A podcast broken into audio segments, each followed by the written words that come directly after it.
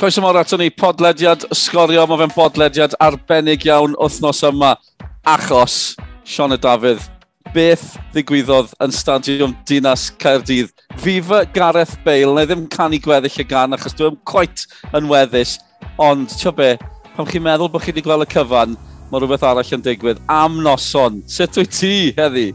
Dal bore da, mae'n llais i dal dim ond jyst na ar ôl yr holl wyddi, yr holl ganu yn fatha Gymnas Cyrdydd nithwr, ond am noson, am brofiad, fel wedys di. Ti'n meddwl bod ti wedi gweld yr holl beth, ti'n credu, Stym byd arall gall, gall Gareth Bale a'r chwaraewyr mae'n neud, a wedyn maen nhw'n tynnu perfformiad fel la mas bron mas o un man, felly oedd hi'n noson mor special, oedd hi'n gret i fod yn, yn rhan ohono fe, oedd nes i wir wir joio pob eiliad. Fi'n gobeithio nath pawb oedd yn watcho'n sgorio gytra joio hefyd, ond cyn i ni siarad mwy am y peth. Beth am i ni atgoffa'n hunan o bopeth nath ddigwydd yn Stadiwm Dinas Cyrdydd Neithwr.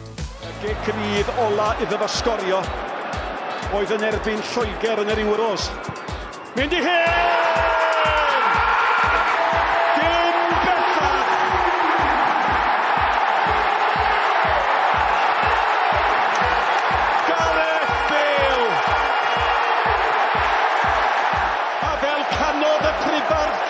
Jones. Ein draig, ein mab darogan. Bel!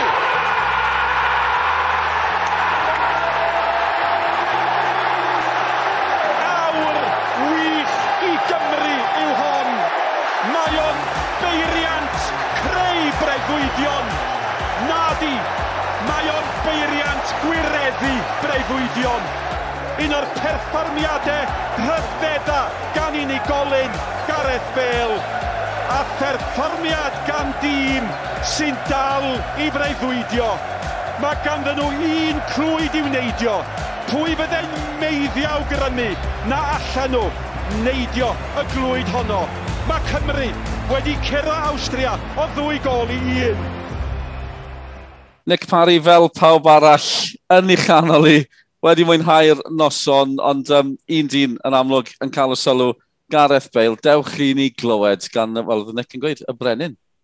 Gareth, I've been trying to think of what to ask you, and I can't find the words to describe what you just produced for us out on that pitch this evening. Gareth, that was vintage Gareth Bale out there. no, it was nice. Um, yeah, it was nice to score at home. I haven't scored at home for a while, so um, yeah, perfect time to do it, perfect occasion. Um, most important thing, everyone run themselves into the ground. We spoke about it before the game.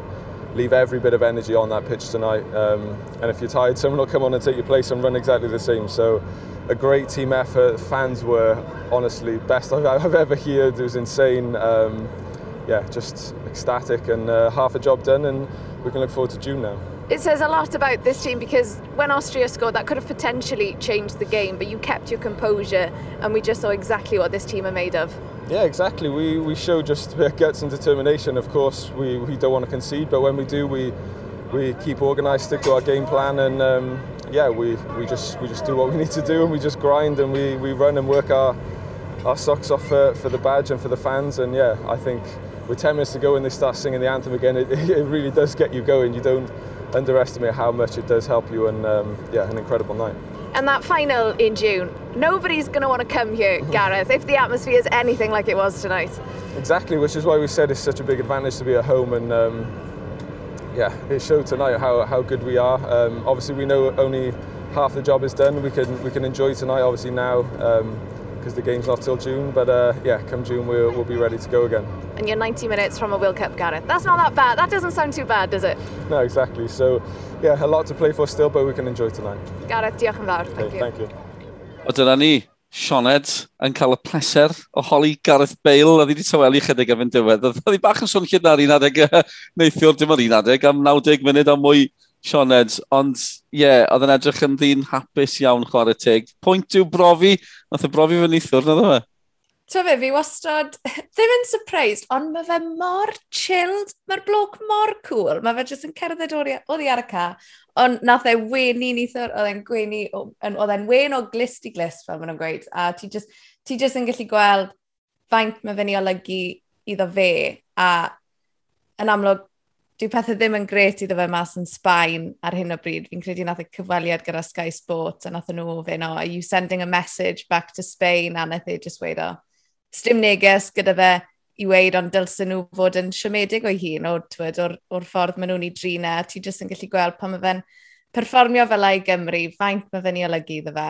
A just, fi dal, yn, mae fe'n fraint, nid yn unig cael watchan Gareth Bale yn wario i Gymru a wario Pil Road. Mae fe'n fraint cael cyfweld ar boi. Fi dal ffili credu bod fi'n cael neud hwnna. Fi'n tymlo bach fel superfan pan i fi yn, ond just am noson, a ie. Yeah. So be, sylwadau fe'n ddiddorol, achos oedd e wei disgusting, mm. fe, mewn cyfaliad arall. A ti ddim yn clywed yn siarad fel anna man? Na, na. Yn union, chi'n meddwl bod e, tod, o, mae pawb fel, o, mae fe'n cael ei dalu miliynau flwyddyn, dwi'n mynd poeni, ond, tod, mae'r mae bywyd o dde, they should be ashamed of themselves, it's disgusting. Mae hwnna'n eitha, eitha cryf i ddweud y lleia. A jyst i fod yn deg, a fi jyst ddim, mae'n ma, ma syndod, nyn ni drafod mwy yn gweddill eich chwaraewyr. Mae'r ma hyn maen nhw'n neud y Cymru a'r hyn maen nhw'n neud y clybiau mor wahanol. Pa chi'n gweld Joe Rodon, ddim yn cael gêm yn chwarae fel nath yn eithwr, ond mae Bale, chi'n mwyn cydio yn rhywun yn Real Madrid a dod yn o'i stadiwm Dinas Cadydd, a mynd drychwch. Mae'r wlad gyfan yn addoli'r boi yma, a'r ffordd mae fe'n ffynnu, ond fi'n fi, fi sinigaidd o'n i'n meddwl, cyn y gêm, o'n i'n meddwl, ah, oh, tiod, faint sta fe rôl yn y tank, faint sta, tiod, pawb yn sôn am yr awyrgylch a'r wal goch, a fi'n diodol yn mynd, oce, okay, ond dim ond mor bell mae hwnna'n gallu cario chi. Ond bobl bach, a, a byw o'n i'n eithwr, a, a Bale, mae'r gic rydd na, mae'r ail gol, mae'r erdi. Ail gol, oh. Bobl bach, a oh. ni wedi gweld, e, ni wedi gweld yn llysgo ni, i, nath e llysgo ni o ryw Rosen Frank, ar ben i hunan, nath e fel ar, ar mission un dyn i gael ni i brif gystadleuaeth. A nath e y daro fi neithwr, mae fe eisiau mynd i gwybod y byd. E? Os mae'n gallu llysgo ni gyd gyda fe, sa'n mynd i gwyno am hynny am eiliad chwarae teg. Na, a hefyd, ti'n be, um, ti'n sôn mae fe mor chilled. Ond o'r chwiban gyntaf a'r chwiban ola, mae fe y person mwyaf difrifol yn y byd. Mm. Ond ar ôl ni, mae fe nôl fel plentyn eto yn chwarae gwmpas gyda Wayne Hennessy ac yn just chwerthin y gwmpas y ca. Ond fi'n gwybod mae'n ystrydau fel, ac pan maen nhw'n croesi'r linell wenna, mae fe just arni, chwarae teg, mm. a, a na le oedd yn eithwr, wel, wel, wel, am noson, am noson. Um, cwpl mwy o arwyr na, dewch chi'n ni glywed gan uh, mwy o chwaraewyr nawr, achos um, wel, ar o'r tawel, ni'n trafod cyn y gym, boys fel Ben Davies ar ein, a Joe Allen unwaith eto, am berfformiad gan Joe, dewch chi'n ni glywed wrtho fe. Joe, mae'r gwein Dwi'n siŵr i ti'n teimlo ar un o bryd. Ti'n cofio noson fel hyn yn y stadiwm yma? Ie, yeah, mor fach. Um, atmosfer anhygoel heno unwaith eto. Um, mewn gêm fawr, mae chwaraewyr allweddol ni yn troi lan. Gaz Aaron, pawb ar y ca. Ac, um, ie, yeah, gwych i cael ein hunan trwyddo nawr i'r uh, rownd nesaf. Rhaid perfformiad cyflawn heno, nathoch chi ymosod yn wedyn tuag at y diwedd, oedd rhaid chi ganolbwyntio mor galed yn yr amddiffyn. Just pa mor brod i ti o dy gyd chwaraewyr? Ie, yeah, yeah, mor brod. Um, wrth gwrs, oedd dim byd gyda nhw colli uh, yn yr ail hanner, felly nath nhw taflu'r bil. Um, Ie, yeah, ymlaen, ac oedd angen i ni amddiffyn, uh, rhoi, rhoi popeth ar y lein, ac um, gathom ni, uh, gathom ni wneud digon i, cael y, uh, i fynd trwyddo. Jo, mae hyn o ti bod mor special mae fe'n mynd i fod yn anhygoel. Ie, yeah, gallwn ni ddim, uh, gallwn ni ddim aros nawr. Um, Ie, yeah, byddwn ni'n edrych ymlaen. Um, hefyd yn edrych ymlaen i heno. I fod yn hollol honest. Um, Ie, yeah, byddwn ni'n dathlu y perfformiad yma. Ac um, wedyn, angen uh, uh, canolbwyntio ar y gym nesaf. Jo, chi 90 munud bant o gyrraedd cwpan y byd. Just pa mor benderfynol i chi? mor benderfynol. Mae mor gymaint, um, mae'n mae meddwl mor gymaint i'r holl wlad. Mae pawb yn gwybod beth sydd, um, sydd o flannu. Felly, angen i ni, i ni rhoi cant cant mewn i dde, taflu popeth tuag at cael ei hunan yn cwpan a byd. Jo, llawn gyfarchiadau, diolch yn fawr. Fel ma rai fi gyfadde, oedd rai fi fynd nôl i ryndo ar y cyfaliad na, achos ar y pryd, o'n i'n ffili clywed gair o'r Joe Allen yn gweud, achos oedd sugar o sŵn, sugar o ddathlu yn y stadio. A mae Joe Allen, mae'n fwy ffein, ond mae'n fwy tawel iawn. Felly o'n i'n ffili clywed gair oedd e'n gweud, a Joe yn gweud bod e'n disgwyl mlaen i ddathlu hyn o, a wrth edrych o gwmpas Cyrdydd, bod yma fi'n byw yng nghanol y ddinas, lot o benne tos, dwi'n credu lot o bobl Blinedig yw'r gair, Sianed. Bl blinedig yn trial dyla'r tren. Neud i ffordd i'r gwaith a ddim yn tymlo cant y cant, ond ie, yeah, Joe Allen yn dathlu, pawb yn dathlu. Ie, yeah, o'n i'n gwylio fe, mae'r ma gwaith mae fe'n neud oddi ar y bil, a mae fe'n... A pam chi'n chwarae Aaron Ramsey wrth ochr Joe Allen, chi'n gwybod dyw Aaron Ramsey ddim, ddim yn mynd i ystyn ar drwy'r nos na gwybod. E? Mae Aaron Ramsey yn gwneud beth bynnag mae fe'n moyn, achos Aaron Ramsey, mae fe'n reddfol, dyw e ddim yn... Yn chwaraewr amddiffynol. Felly oedd Joe yn ei gymaint o waith. Tod, a war y teg i, um, i Robert Page am mynd amdani. Dyn ni glywed mwy gan Robert Page yn y man. achos Ti'n cael gwaith clywed um, Joe Allen, ni'n cael gwaith clywed John Hudson a Gwennan Harris hefyd. Achos oedd Gwennan di nodi'n gynnar yn y gêm hefyd bod Joe falle achos bod Ramsey a bwysau. Cael lot o waith o fe wneud. Dyma beth oedd Gwennan i ddweud. Wel, wedi 15 munud gyntaf, o'n i'n pryderu tipyn bach yn siarp, ni'n wedi Joe Allen i'n meddwl fyna, falle bod e bach yn isolated, ond unwaith nath ni setlo mewn a, a defnyddio ôl sgellwyr ni, Conor Roberts, Nico Williams, o'n i'n gallu gweld y ffordd wedyn, o'n ni wedi dod y cryfderau ni, ni at y system uh, Austria, a ni yn sicr oedd y tîm gorau gyda'r uh, cyfleoedd geithio ni, so chwarae teg, gath e'r tactegau, y spot on unwaith ragor. Oedd Gwennan Harris yn gweithio'n bod Rob Page wedi cael ei dactegau yn spot on yn erbyn Austria, Nithwr a beth am. I ni glywed gan y dyn ei hun achos ges i chat fach gyda Rob ar ôl y gym. Rob, you get games of football and then you have nights like that. Yeah. I mean, how are your emotions? And we knew it was going to be good, but did you think it would be that good? No. Um, you, you, you don't really you don't know how it's going to go. You hope you hope the, the, the build up this week has been exactly the same as what we had in November. The lads have been outstanding, and the environment they've got in there is, is second to none. And then we had two great performances in November, and you just hope and pray that you can do, do the same. Um, and they've absolutely delivered from the first minute. I've just said to the players in the change room, don't underestimate what they've just done in there because they're up against a very, very good Austrian team. And uh, to score two goals in the manner in which we did the best free kick I've ever seen in my life. um, and then we concede a deflected goal, which is disappointing, but um, you know we showed character again and and, uh, and dug deep and and saw the and, and saw the game out. It was a complete performance. All 11 players put in a massive shift. But I have to ask you about Gareth Bale because yeah. he just keeps on pulling out these moments and we don't know where they come from.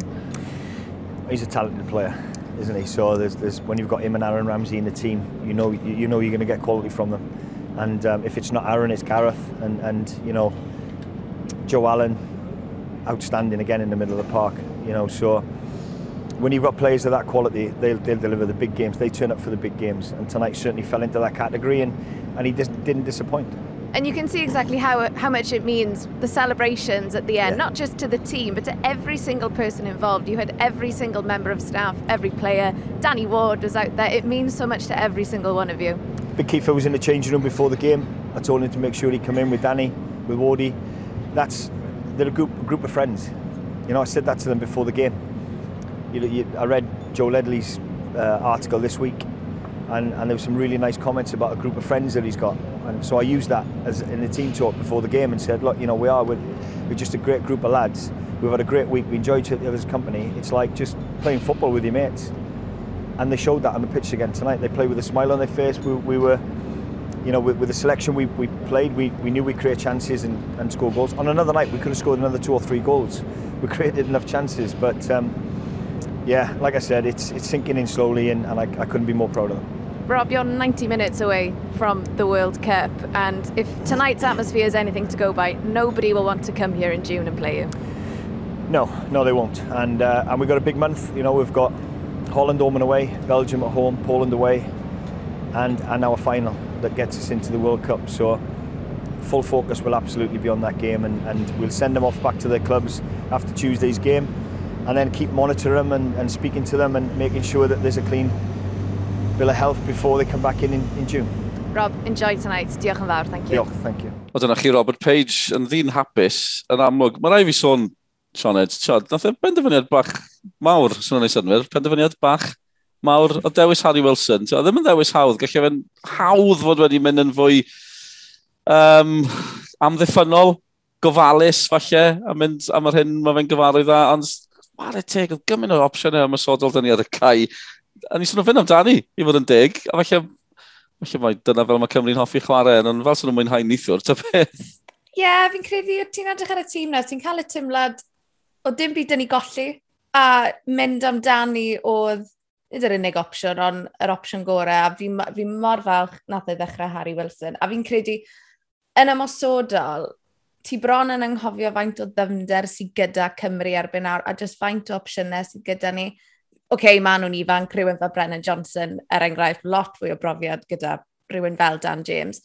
Um, ond mae'r balans o ran y chwaraewyr profiadol na, a'r chwaraewyr ifanc na. Weles i tweet hyfryd a nath ei weid, mae dyfodol Cymru mewn dwylo da, achos i ti'n gweld y chwaraewyr ifanc yma, a jyst faint mae fe'n olygu i nhw. Nath Brennan Johnson a Nico Williams i gyd weid bod e'n golygu just cyment, er, bod e'n golygu'r un faint i nhw a beth mae fe'n golygu'r chwaraewyr hun a fi'n credu bod hwnna mor mor special. A ie. Yeah. Fi dal yn gweini, fi'n ffili stop yn gweini. fi'n fach dewisodd y e Harry Wilson, achos tiod, mae Fulham yn cael lot o sylw, felly fi just mm. look up lot o gemau e Fulham yn ddiweddar, jyst achos maen nhw ar y teledu gymaint. Mae fi wedi bod yn chwarae mor dda, a nath e chwarae'n dda iawn neithwr, fi'n credu, oedd pob cyffyrddiad. Mae fe'n fwy weithiau mae wedi methu cyfleoedd mawr i Gymru, nath e yr sgarlu Dan James methu'r cyfleoedd neithiwr, ond um, oedd pob cyffyrddiad... Mae'n ffain, dim rhaid ni siarad am hwnna. Nath e ennill y gicrydd, to, oedd yna mor syrigaidd y gicrydd cyn i, cyn i Bale sgorio, nath Harry Wilson yn dda iawn, a dde a Nico gyda Fulham, to, mae yna berthynas ffantastig yn, yn datblygu. Um, oedd yr amddiffyn hefyd, maen nhw'n heiddi lot o sylw, oedd yna bwysau aruthrol erbyn diwedd, a gwylio Arnautovic yn y cnawd, chi'n gwerthfawrogi gymaint o chwarae o rywe, mae mm. fe yn lond llaw, mae fe yn waith caled, a nath yr amddiffyn wneud mor dda. A dych chi glywed John Hatton yn siarad am hynny, a gyda llaw, oedd gymaint o sŵn ar y diwedd, gyda llaw, mae'n lot o sŵn yn y cefnir. Oedd neb eisiau gadael, oedd y chwaraewyr yn mynd o gwmpas y cae, a John Hatton yn rhoi cyfleidio ar yn Ramsey ar un adeg, yn trial siarad ar y teledu. Nath Aaron Ramsey wenu arno ti, nes i weld wyna. Fi'n gwybod, fi'n gwybod. Nath Gwenna'n rhoi nudge bach i fi, nath i just check-up fi'n oce. Okay. O'n i bron llywygu ar y pwynt yna, mae rhaid fi gyfadde. Um, yeah, eiliad fawr, eiliad fawr arall, a dyma John Hudson. A tri yn y cefn, Ampadw, Rodon a Ben Davies. Reit i'r munud ola, penio popeth allan. Dan pwysau, Rostria yn taflu popeth yn y diwedd at y tîm ni ond nath i amddiffynnu mor gryf ac o'n rhywbeth fel o'n nhw'n dis... Fantastic! Fantastic! Wel, John Hatton llawn cymoliaeth o amddiffyn Cymru ar ôl y gêm, ges i air yn reiddiol i fod gyda Joe Roden ar ben ei hun, a wedyn rhyw hynny'r ffordd trwy'r cyfweliad nath Ian Gwyn Hughes just ddod a Ben Davies, a oedd y ddau o'n nhw'n sefyll ymlaen ni, yn amlwg Ben Davies yn siarad Cymraeg, Joe Roden ddim yn siarad Cymraeg, so ni'n ffind o'n un yn cyfieithu Joe Roden, be oedd Ben Davies yn gweud, so oedd hwnna bach yn chaotic, ond braf iawn cael sgwrsio gyda'r ddau o'n nhw, a dyma beth oedd dyn nhw i weid. Joe, you've had a few minutes now to get catch your breath, to kind of take in what's just happened. Can you sum up your emotions right now? Yeah, um, obviously we, you know, we're buzzing to win. Of course, uh, you know, we can't get too carried away. There's another game to go. But yeah, like I say, it's, it's a brilliant shift from the boys and we're looking forward to the next. You've got this man beside you. Guys, Ben, na i ddod i ti yng Nghymraeg. Just siwt mae'r emosiynau ar hyn o bryd. Ie, yeah, dyn ni'n uh, dyn ni hapus dros Ben. Oedd e'n gêm, gêm anodd ar y degau, ond uh, yn credu oedd y boys ni'n y gred. Oedd Joe wedi wario ar y ddewchog yn y cefn pob head oedd e'n just a great iddi. Oedd e E, oedd e'n anodd fel ni wedi dweud, ond yeah, pan ych chi'n cael rhywun fel Gareth sy'n gallu sgorio'r golau fo'na, mae'n ma amazing.